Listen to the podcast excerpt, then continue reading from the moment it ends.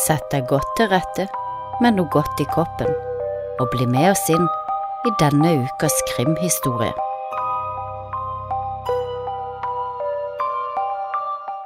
Søndag kveld 30. juni 1991 i Galesburg, Illinois, hadde det eldre ekteparet Larry og Louise Williams bekymret seg for sin sønn siden tidlig lørdag morgen. De hadde forsøkt å få kontakt med deres 23 år gamle sønn Danny uten hell, og nå var de svært bekymret. Ekteparet bestemte seg derfor for å kjøre til sønnens hus i Florence Street. Larry banka på døra, men ingen svarte. Han bestemmer seg da for å bryte seg inn i sønnens låste hus. Han roper sønnens navn Danny flere ganger, mens han sier at det er hans far. Larry visste at sønnen hadde en pistol i huset for beskyttelse, og han ville ikke at sønnen skulle tro han var en innbruddstyv og skyte han med et uhell. Men da Larry kommer inn i stua, finner han Danny sittende på sofaen i en slump, men sittende stilling. Han kunne se at sønnen var død. I fanget til Danny lå en pistol, og han hadde et skuddsår i panna. Og da Larry så åstedet, sa han til seg sjøl, åh, Dan, ikke la dette være hva det ser ut som. Danny var Larry og Louises sin yngste sønn, og de to siste årene hadde han tatt hånd om distribusjonen og familiens multimillioner dollarselskap Protexol. Han hadde nylig kjøpt sitt første hus, huset som han nå ble funnet død i. Larry ringte umiddelbart politiet, som raskt kom til stedet. Pistolen som de fant i Danny sitt fang, var en 9 mm semiautomatisk Smith Wesson-pistol, og ifølge politisjef John Schlaff gjorde kroppens posisjon, skuddskadene og fravær av bevis på at noe kriminelt hadde skjedd, at politiet var overbevist om at skuddet var selvpåført, og før det var gått en måned, klassifiserte politiet saken som selvmord. Patologen som gjennomførte obduksjonen og en klinisk psykolog konkluderte begge med at det mest sannsynlig var et selvmord. Men Danny sin far Larry slo seg ikke til ro med det. Han hadde selv vokst opp i sørstatene og var vant til å håndtere våpen, han visste hvordan de fungerte, og han hadde skutt med alle våpentyper som fantes. Han hevda derfor, ut ifra sin kunnskap, at det ville være nærmest umulig for et menneske å skyte seg selv og samtidig få pistolen til å ligge i fanget i den posisjonen som den gjorde på sønnens fang, og han mente at det ikke var en naturlig posisjon. Larry var derfor helt overbevist om at sønnen ikke hadde tatt selvmord. Han leide derfor inn Steve Johnson, som var tidligere etterforsker ved Now County Sheriff's Department, men ganske kjapt konkluderte også Steve Johnson med at Larrys sønn hadde tatt selvmord. Så 10. juli leier Larry inn nok en privatdetektiv, Mike Turnquist. Danny døde 29. juni, nesten 14 dager tidligere, og dødstidspunktet hadde blitt fastslått til natta rundt halv tre. Men privatdetektiven Mike fant fort et vitne, en nabo av Larrys sønn, som hevda hun hadde sett Danny flere timer senere, om morgenen rundt halv elleve. Naboen, Darlene Sayers, var en slik nabo som satt i vinduet og fulgte med på hva naboene drev med. Hun hevder hardnakka at hun søndag morgen 29. juni hadde sett Danny forsvinne inn i en blå bil sammen med en kvinne. Hun kunne fortelle at kvinnen hadde mørkt hår og var mellom 25 og 30 år gammel. Politiet visste at Danny hadde blitt plukket opp av sin venninne Louise dagen før han døde, så politiet konkluderte dermed med at naboen blanda dagene. Men naboen sto på sitt, at det var søndag morgen, hun mente også at kvinnen som plukka opp Danny, var for ung til å kunne være Louise. Flere andre vitner hadde også lagt merke til aktivitet i Danny sitt hus om søndagen, mange timer etter at Danny skal ha dødd, mens politiet mente at vitnene sikkert hadde sett aktivitet, men at de rett og slett blanda dagene. Privatdetektiv Mike oppdaga at politiet ikke hadde fulgt opp tester tatt etter kruttpulver på Danny sine hender, mens politisjefen derimot hevda at testene var inkonklusive, at testene reagerte på tobakk, urin og andre ting på hendene. Det er også uvisst om testene faktisk ble gjennomført, og hvis de ble gjennomført, hva sa de egentlig? Larry, Danny sin far, hevder at noen av de fysiske bevisene som politiet selv har funnet, heller imot at det var et selvmord. Hulen fra pistolen, som politiet mente hadde drept Danny, hadde gått gjennom hodet hans og videre inn i veggen, men da politiet fjerna kulen, var det kun en bitte liten prikk med det som så ut til å være blod på veggen, og ifølge privatdetektiv Mike mente han at siden Danny sitt hode var såpass nærme veggen, så ville man forvente å finne store mengder blodsprut både bak sofaen og veggen bak Danny. Politisjefen derimot var uenig, og mener at det etter et slikt skudd ikke nødvendigvis må være store mengder blod bak Danny, og mener at slike teorier er basert på hva man ser på film og TV, og ikke virkeligheten. Men Larry derimot ga seg ikke. Nå leide han inn en uavhengig rettsmedisiner, Mark Bose. Oppgaven var å se om det hadde vært noen andre i huset når Danny døde. Rettsmedisineren uttalte at han på forhånd antok å komme til et typisk tilgrisa åsted, og at han måtte fortelle Larry at sønnen faktisk hadde tatt selvmord. På bildene av Danny ble det tydelig for rettsmedisineren at Danny hadde et kontaktsår på panna. Hans konklusjon ble derfor at det enten var et selvmord eller et henrettelsesdrap.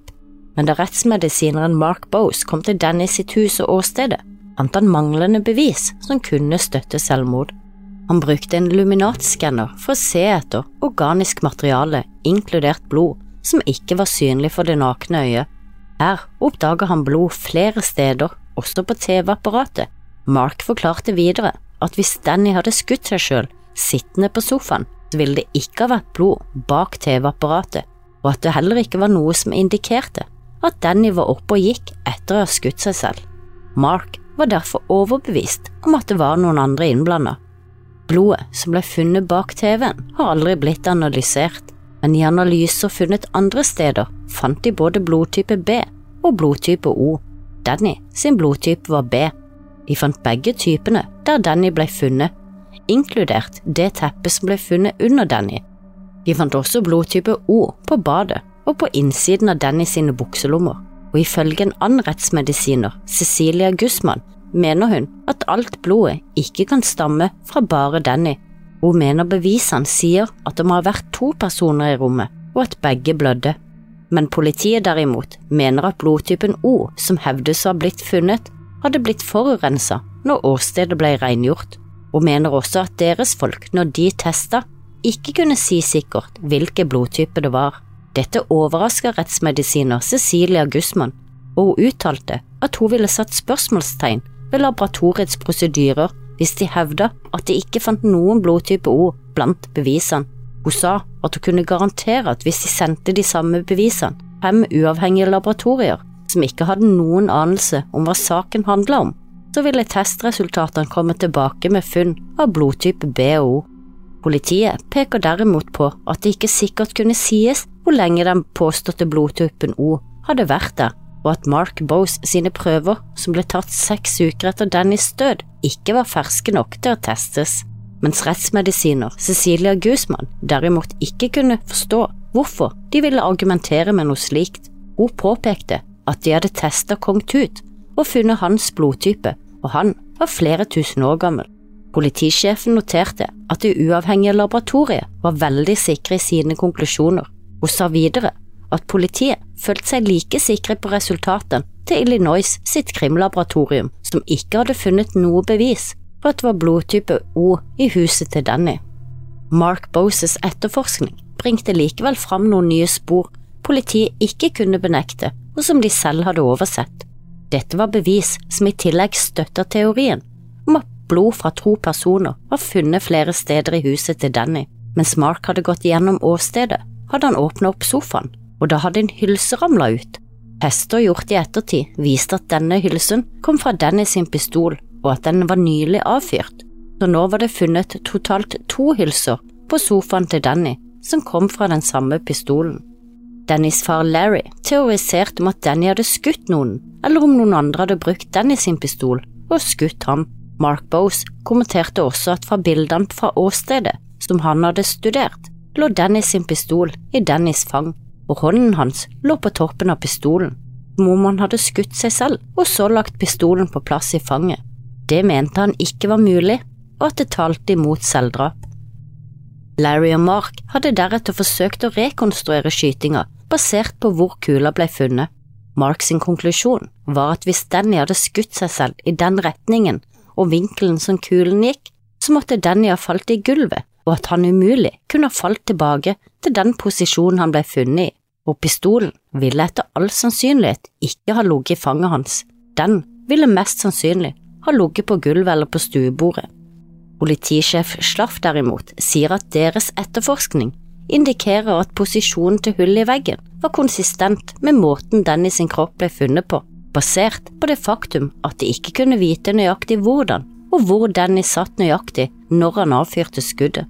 Men Mark Bowes ble mer og mer overbevist om at Danny ikke hadde blitt skutt inne i stua, men at det kunne ha oppstått en krangel eller et sammenstøt et annet sted enn i sofaen og i stua, som førte til at begge blødde, og kanskje tok denne personen Dennis sine nøkler ut av lommen, og det er sporet etter blodtype O i Dennis sine lommer, og kanskje var åstedet iscenesatt for å få det til å se ut som et selvdrap. Politisjef Slaff sier at han er komfortabel med informasjonen de har samla inn, og som peker mot selvdrap, men ifølge venner og noen familiemedlemmer var Denny opprørt fordi han ikke ble forfremma på arbeidsplassen. Dette var derimot Danny sin far Larry uenig i. Han hevda at Danny var deleier i firmaet og distributørsjef, og at det var ikke mulig å klatre høyere i selskapet. Venner, familie og politiet sier også at Dannys kjæreste flytta ut av huset i mai 1991, og at de skal ha gjort det slutt før han døde. Hun fortalte politiet at han hadde ringt henne rundt klokka to om natta lørdag 29. juni, kort tid før de antok han døde. Ifølge henne hadde Danny drukket alkohol, og han hadde bedt om å få treffe henne, noe hun ikke ønska, mens andre venner og familie antyder at han var deprimert før han døde, og at han ikke gikk overens med kollegaene sine på arbeid. Det ble også hevdet at han drakk mye og ruste seg, og både narkotika og alkohol ble funnet i blodet hans etter døden. Larry derimot har bestridt dette, da flere patologer har sagt at nivåer av alkohol og lignende bygger seg opp i kroppen etter døden, eller gjør at tallene er høyere enn de reelt er. Politirapporter fra dagen Danny ble funnet, indikerer også at dørene hans var låst fra innsida, og at alle vinduene også var låst. I tillegg virker ikke huset bare preg av kamp. Larry derimot hevder at både møbler og andre smågjenstander var i uorden og indikerte at noen andre hadde vært der. Men politiet, de gir seg ikke. De mener det er enda et faktum som støtter selvmordskonklusjonen deres. Ifølge politiet så hadde Dennis sin kjæreste fortalt om en krangel som hadde skjedd seks måneder før han døde, og som hadde endt med at skudd ble avfyrt og ifølge henne hadde Danny trua med å ta selvmord to ganger under samme krangelen, og på et tidspunkt skal Danny ifølge henne ha plassert pistolen mot hodet sitt. Hun skal da ha snudd seg og gått mot døra, og hørte bak seg at skuddet gikk av. Hun snudde seg rundt, og Danny hadde avfyrt et skudd i veggen. Og ifølge politisjef Slaff hadde Danny også tidligere vurdert å begå selvmord, og mente han hadde diskutert med andre om å gjøre det. Han mente også at Danny hadde gjort aktive fremskritt mot å ta selvmord ved å avfyre pistolen mot veggen under krangelen med kjæresten. Dannys far Larry derimot er av den oppfatninga at politiet tidlig hang seg opp i selvmordsteorien, og at de deretter har gått til uvanlige skritt for å støtte deres egen teori. Han sier han skulle ønske at politiet hadde gått like langt i å etterforske deres teori som selvmordsteorien, og at de burde samarbeide mye bedre så lenge de etterforskerne og ekspert Larry har engasjert, er overbevist om at man står overfor et drap, så står likevel politiet på sitt om at det er et selvdrap. Politisjef Slaff hevder også at politihuset har forsøkt å samarbeide med Larry, og at de har holdt etterforskninga åpen. Men én ting har aldri blitt diskutert i denne saken. Hvis Danny ble drept, hvem drepte ham og hvorfor? Selv Dannys far Larry har ikke klart å komme opp med noe svar på dette. 8. august 1991 konkluderte en rettsmedisiner med at man ikke kunne si sikkert om Danny ble drept eller om han tok sitt eget liv, og Dannys dødsårsak fikk stempelet usikker. Larry har også hevdet at han har fått flere anonyme telefoner fra mennesker som hevder å vite hvem Danny sin drapsmann er, men som er redde for å nevne navn. Larry satte også inn flere annonser i flere aviser hvor han ba om opplysninger, og han tilbød en belønning på 25 000 dollar for informasjon som førte til en arrestasjon og en dom. Larry mente å være av den oppfatninga at Danny hadde flere fiender, og at han hadde vært i krangler i forkant av sin død, og at dette kunne være relatert. Han peker på damen som naboen mente plukka Larry opp samme morgen som han døde, ei dame med mørkt hår som var mellom 25 og 30 år. Også en uidentifisert mann med krøllete hår skal ha blitt observert ved Dennis sitt hus dagen etter at Danny døde. Ingen av disse to er identifisert eller avklart om de hadde noe med Dannys død å gjøre eller ei. Det har ikke kommet noen tips i saken siden den gang som har ledet til noen oppklaring, og dødsfallet har ennå status som selvdrap hos politiet. Larry, Dannys far, gikk bort i 1998, og mora Louise i 2010, og i 2017 gikk også Danny sin bror Larry jr. bort. Så hva skjedde egentlig med Danny? Var det et selvmord, eller var det et drap? Vi diskuterer videre i morgendagens Krimprat-episode.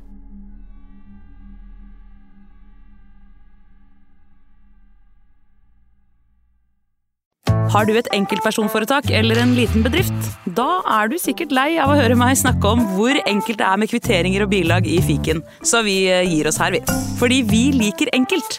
Fiken superenkelt regnskap.